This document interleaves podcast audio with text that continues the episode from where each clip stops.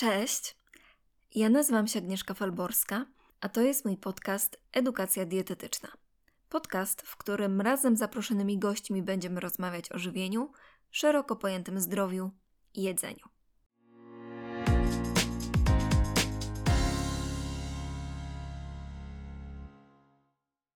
Kolejny odcinek postanowiłam poświęcić trzem produktom, którymi zdecydowanie mogą być zainteresowane osoby, które uprawiają sporty wytrzymałościowe, a szczególnie biegacze długodystansowi.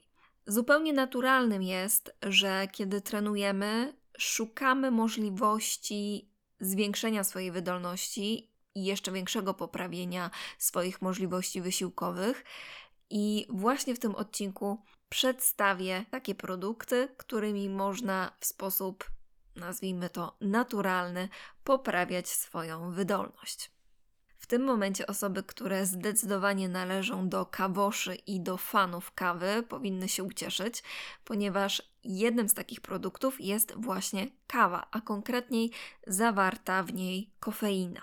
Mamy bardzo dobre i bardzo dużą ilość w ogóle badań, które dotyczą kofeiny i jej pozytywnego działania w sporcie. Kofeina należy również do grupy A Australijskiego Instytutu Sportu, czyli organizacji, która zajmuje się tworzeniem klasyfikacji suplementów opartej na dowodach naukowych.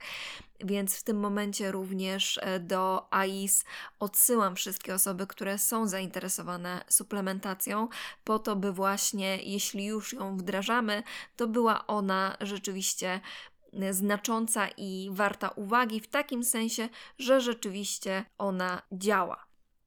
Jeśli chodzi o kofeinę, y, to przede wszystkim musimy zwrócić uwagę na to, jaką dawkę tej kofeiny sobie dostarczymy.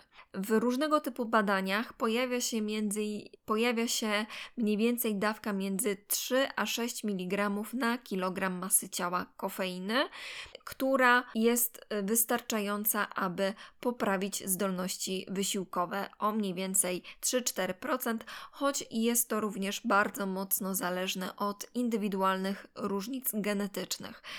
Więc będą osoby, które z tego typu suplementacji, z tego typu interwencji żywieniowej wyniosą zdecydowanie więcej, będą miały większe korzyści, jak i takie, które analogicznie będą te korzyści miały mniejsze. W rekomendacjach dotyczących żywienia osób aktywnych fizycznie możemy znaleźć informację, że tą dawkę 3 do 6 mg kofeiny na kilogram masy ciała najlepiej przyjmować mniej więcej 30 do 90 minut przed wysiłkiem to, czy będzie właśnie to te 30 czy 90 minut, powinno też być dość mocno związane z tym, jaką mamy reakcję na kofeinę, a jeśli jest to pod postacią kawy, no to właśnie jaka jest ta nasza reakcja na kawę. Są takie osoby, na które kawa dość mocno działa mm, drażniąco, może też ona jak najbardziej mm, skłaniać nas ku wizycie w ustronnym miejscu, więc jeśli wiecie o tym, że szczególnie silnie reagujecie na kofeinę, to czasami warto jest sobie po prostu ten czas e, dopasować do siebie i go na przykład wydłużyć. Może się oczywiście również pojawić pytanie, czy w związku z tym jest sens, aby brać bardzo duże dawki kofeiny, większe niż te, które wymieniłam. I tutaj znów możemy odwołać się do badań naukowych, w których dawki powyżej 9 mg na kilogram masy ciała nie działały lepiej, nie wspomagały tej wydajności jeszcze bardziej, natomiast zdecydowanie częściej powodowały reakcje niepożądane. I tą reakcją niepożądaną właśnie może być e, refluks, e, czy też takie wzmożone bicie serca wynikające po prostu zbyt mocnego pobudzenia kofeinowego. Jeśli chodzi o postać przyjmowanej kofeiny, to tutaj warto postawić na to, co lubimy. I jeśli lubisz kawę, a jest bardzo dużo takich osób, to możesz jak najbardziej spożyć przed wysiłkiem kawę. Problemem natomiast może być wystandaryzowanie tej dawki, ponieważ są pewne narzędzia, w których możemy plus minus sprawdzić, ile tej kofeiny znajdziemy w danym napoju. I mm, taką stroną jest e, Caffeine Informer, i tam jest bardzo dużo informacji na ten temat, natomiast no, nie jesteśmy w stanie tego idealnie sprawdzić i idealnie wymierzyć. Więc jest zawsze pewne ryzyko, że ta dawka może być na przykład zbyt mała. Jeśli chcesz właśnie mieć pewność, że to jest ta dawka, którą spożywasz, no to można skłonić się ku kapsułkom z kofeiną. Choć tutaj też biorąc pod uwagę fakt, że rynek suplementów diety polega na tym, że producent informuje nas, ile jest danej substancji w produkcie, ale na etapie wprowadzania go na rynek nikt tego nie sprawdza laboratoryjnie, to tak na dobrą sprawę można powiedzieć, że nadal nie do końca wiemy, czy rzeczywiście jest tam taka ilość, jaka powinna być, choć jest zdecydowanie, mm, wydaje mi się, jednak wyższa szansa na to, by wstrzelić się w te widełki, y, które wspomagają aktywność fizyczną, widełki oczywiście zawartości kofeiny. Dla kogo kofeina będzie również bardzo dobrym sprzymierzeńcem aktywności fizycznej? Tak jak już wspomniałam, przede wszystkim w przypadku osób podejmujących wysiłki o charakterze wytrzymałościowym, ale także przy krótkich wysiłkach o wysokiej intensywności czy tak zwanych dyscyplinach typu stop-start. Wiele osób, które podejmują takie próby suplementacji kofeiną, spotykają się z takim stwierdzeniem, że dobrze by byłoby ją całkowicie odstawić, tak żeby być takim oczyszczonym, chociaż bardzo nie lubię tego słowa w kontekście żywieniowym, e, z tej kofeiny, takim wypukanym, może inaczej, po to, żeby ona zadziałała lepiej. No i są badacze, którzy oczywiście pokusili się, aby sprawdzić, czy mają te osoby rację. I wyniki ich badań są takie, że celowe odstawienie kofeiny przed zawodami po to, by zwiększyć wrażliwość na nią, nie do końca znajduje e, swoje potwierdzenie w danych, więc nie trzeba tego robić, ale tu ponownie zwracam uwagę na to, co już mówiłam, czyli też na te indywidualne cechy. I może być tak, że rzeczywiście ktoś odczuje taki rezultat, ale badania na większej grupie nie wspierają tego stwierdzenia. Co może być, mimo wszystko, myślę, pozytywną informacją dla osób, które uwielbiają kawę, bo to oznacza, że nie muszą z niej rezygnować po to, by ona nadal działała. Zawsze, kiedy operujemy różnego typu liczbami, pojawia się pytanie: no okej, okay, ale ile to jest tak w praktyce? Więc posługując się przykładem kobiety o parametrach typu 50 kg, to okazuje się, że czasami nawet podwójne espresso już jest wystarczającą dawką, która realizuje właśnie te rekomendacje związane z przyjmowaniem kofeiny. Natomiast, tak jak wspomniałam, nie zawsze jesteśmy w stanie idealnie to określić, więc warto po prostu korzystać z narzędzi typu Caffeine Informer, sprawdzać sobie to plus minus, natomiast nie przywiązywać się tak bardzo mocno do tego, czy jest to 1 czy 2 mg w jedną lub w drugą stronę. Kolejnym zdecydowanie bardzo znanym i bardzo dobrym sprzymierzeńcem biegaczy są azotany pod postacią soku z buraka i ogólnie buraków.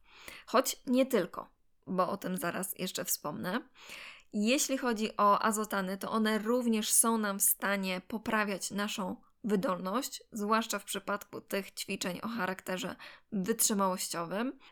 Jeśli chodzi o to, ile powinniśmy tych azotanów sobie dostarczyć, to rekomendacje najczęściej mówią o 300 do 600 mg azotanów, co możemy sobie przełożyć na mniej więcej pół litra soku z buraków lub 3 do 6 całych buraków, które mm, należałoby spożyć na 90 minut przed rozpoczęciem ćwiczeń. O ile te 500 ml soku myślę, że jest całkiem realną opcją, o tyle 6 buraków myślę, że może być to trudne. Stąd właśnie bardzo często, jeśli mówimy o azotanach, to konkretnie mówimy o soku z buraka, bo jest on jednak skondensowaną formą, też taką, która nie obciąża znacząco żołądka, a jest jednak wiele osób, które mają problemy żołądkowo-jelitowe i przed rozpoczęciem aktywności fizycznej muszą po prostu mieć dłuższy odstęp pomiędzy ostatnim posiłkiem, a właśnie tą rzeczoną aktywnością. Więc sok z buraka może się tu sprawdzić bardzo dobrze. Natomiast może się pojawić pytanie: ok, ale co jeśli ja w ogóle bardzo słabo sobie radzę z tymi wszystkimi posiłkami, płynami przed aktywnością. Czy w związku z tym nie ma w ogóle dla mnie opcji, by jednak skorzystać z tego typu żywieniowego dopalacza? Jest jeszcze opcja alternatywna, czyli suplementacja chroniczna, kiedy po prostu przez kilka dni, na przykład 6-7 dni, stosuje się dietę, która jest szczególnie bogata właśnie w azotany i możemy to na przykład zrobić przed zawodami. Oprócz wspomnianego już buraka czy soku z buraka, można do diety również włączyć wtedy rukolę, która jest bardzo zasobna w azotany i bardzo ją polecam, szpinak i sałatę ogólnie i sałaty różnego typu. Co możemy z tym zrobić? Oczywiście spożywać w tradycyjnej formie, czyli na surowo do sałatki, do kanapek. Z rukoli można zrobić bardzo fajne pesto. Ze szpinaku możemy sobie kręcić koktajle, to znaczy dodawać ten szpinak do e, koktajlu, ze względu na to, że on jest mimo wszystko dość neutralny w smaku w tej wersji surowej, więc e, spokojnie jesteśmy w stanie sobie gdzieś poupychać trochę te produkty w codziennym jadłospisie, a jednocześnie nie jest to tak bardzo obciążające, właśnie zwłaszcza w przypadku tych osób, które jednak mają problemy z takim żywieniem około treningowym. Więc to kolejny taki sposób na wspomaganie naszej aktywności fizycznej i azotany, podobnie zresztą jak kofeina, o której wspominałam przed chwilą, również znajduje się w grupie A Australijskiego Instytutu Sportu, co oznacza, że mamy udowodnione jej naukowo działanie, które potwierdzają liczne badania i w związku z tym śmiało możemy sobie korzystać z ich potencjału. Co jeśli mamy krótsze wysiłki fizyczne? Przy krótkich wysiłkach Zasadne jest, aby jednak spożyć te azotany wcześniej, czyli na przykład 2-3 godziny przed wysiłkiem, ze względu na to, że ich szczyt występuje mniej więcej po pół godziny, więc chodzi o to, by nie okazało się, że szczyt działania azotanów jest wtedy, kiedy my już w zasadzie skończyliśmy ten trening. Natomiast jeśli właśnie treningi są dłuższe i trwają one na przykład od godziny do dwóch godzin, no to spokojnie te 90 minut przed będzie czasem, który jest w porządku, bo zdążymy wykorzystać właśnie ten największy potencjał, będąc w połowie ćwiczeń, tak powiedzmy, mniej więcej. O czym jeszcze warto wiedzieć, kiedy chcemy skorzystać z potencjału azotanów? Płukanie jamy ustnej, w tym mycie zębów różnego typu środkami, które mają taki charakter antyseptyczny, mogą ograniczyć działanie azotanów, czyli konkretnie konwersję e, NO3- do NO2- i w związku z tym dobrze by było nie łączyć tego w bliskim sąsiedztwie. Czyli absolutnie moim stwierdzeniem nie jest tutaj, że proszę zaprzestać mycia zębów, e, kiedy suplementujecie azotany, bo nie, to nie jest ta droga. Natomiast chodzi o to, by nie było to w bliskim sąsiedztwie. Chodzi po prostu o stworzenie odstępu po to, by właśnie nie ograniczać tej konwersji NO3- minus do NO2-. minus. A co jeśli przytoczone ilości soku z buraka i tych składników i tak są dla Was zbyt duże i zbyt przerażające w konsumpcji? Mamy na szczęście rozwiązania, które przynosi nam rynek. I takim rozwiązaniem są po prostu koncentraty, komercyjne środki, które w małej objętości zawierają dużą dawkę azotanów i dzięki temu też można je sobie dość dobrze dawkować, dzięki czemu po prostu wiemy, że na pewno tych azotanów dostarczymy sobie wystarczająco dużo, czego znów podobnie jak z kawą nie jesteśmy w stanie do końca stwierdzić w przypadku takiej tradycyjnej żywności, ze względu na to, że one e, między sobą te konkretne produkty różnią się zawartością azotanów yy, w zależności od tego, z jakiego one miejsca pochodzą po prostu, bo azotany jest to kwestia mm, zawartości w glebie tych azotanów, tak? Stąd rośliny je mają, więc w zależności od tego, gdzie one rosły, jak były uprawiane i szeregu jeszcze innych czynników, ta zawartość azotanów w produkcie ostatecznym może być zmienna. No i na koniec trzeci produkt, który również może przydać się biegaczom, jest to sok z cierpkich wiśni. Jeśli chodzi o jego działanie, to mówimy tutaj o potencjale przeciwzapalnym i dodatkowo może on zmniejszać bolesność mięśniową, a także poprawiać jakość snu. I ten ostatni aspekt myślę, że może być szalenie ważny, szczególnie dla tych wszystkich osób, które trenują wieczorem i w związku z tym mogą mieć problemy z zasypianiem, a nawet jeśli nie z zasypianiem, to po prostu z jakością snu ze względu na właśnie tą wcześniej podejmowaną aktywność fizyczną. Jak możemy sobie dawkować ten e, sok z wiśni? Rekomendacje wskazują nam, tu uwaga, 90 do 200 wiśni w postaci soku wiśniowego, koncentratu lub proszku w kapsułkach. No, rekomendacja o tyle ciekawa, że trochę nie wyobrażam sobie tego, żeby ktoś odmierzał tą ilość i potem przerabiał na sok, ale dysponujemy konkretnymi danymi, dlatego je przytaczam. I taki sok, taki koncentrat należałoby spożywać dwa razy dziennie przez okres 4 do 7 dni przed zawodami i także przez cały okres trwania zawodów. I to może być skuteczne właśnie w tym, żeby zmniejszać bolesność mięśniową, właśnie wpływać też na tą jakość snu, co może być y, też istotne w przypadku zawodów trwających przez kilka dni, kiedy utrzymanie tej dobrej dyspozycji jest szalenie istotne.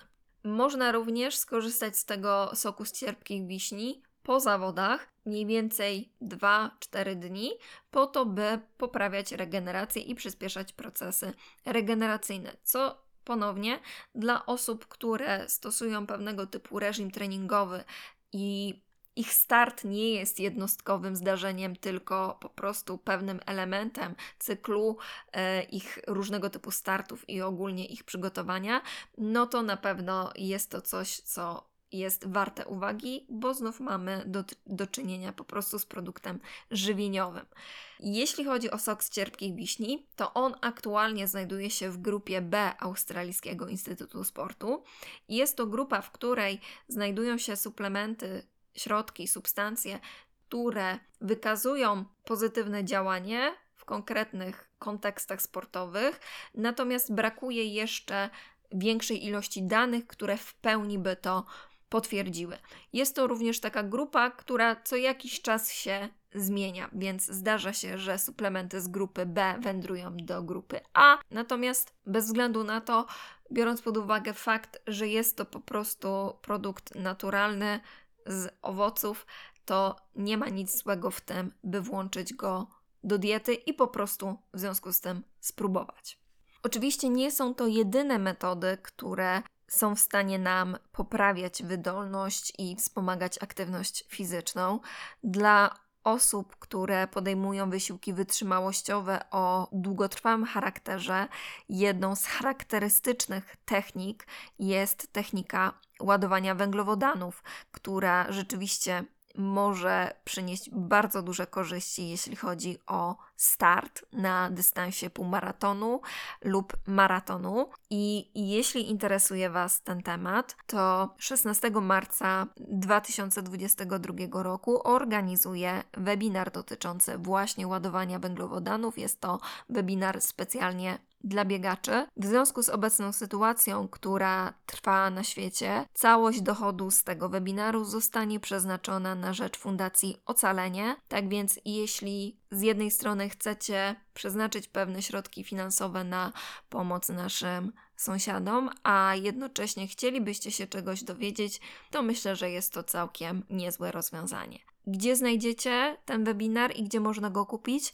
Na mojej stronie internetowej www.edukacjadietetyczna.pl w zakładce sklep. Tam znajdziecie również opis tego webinaru, a jeśli macie jakiekolwiek pytania, które dotyczą go, to zapraszam do kontaktu mailowego. Maila znajdziecie w opisie tego odcinka. Z mojej strony to tyle. Zapraszam do śledzenia kolejnych odcinków, które pojawią się już niebawem i będą to odcinki z moimi gośćmi. Do usłyszenia.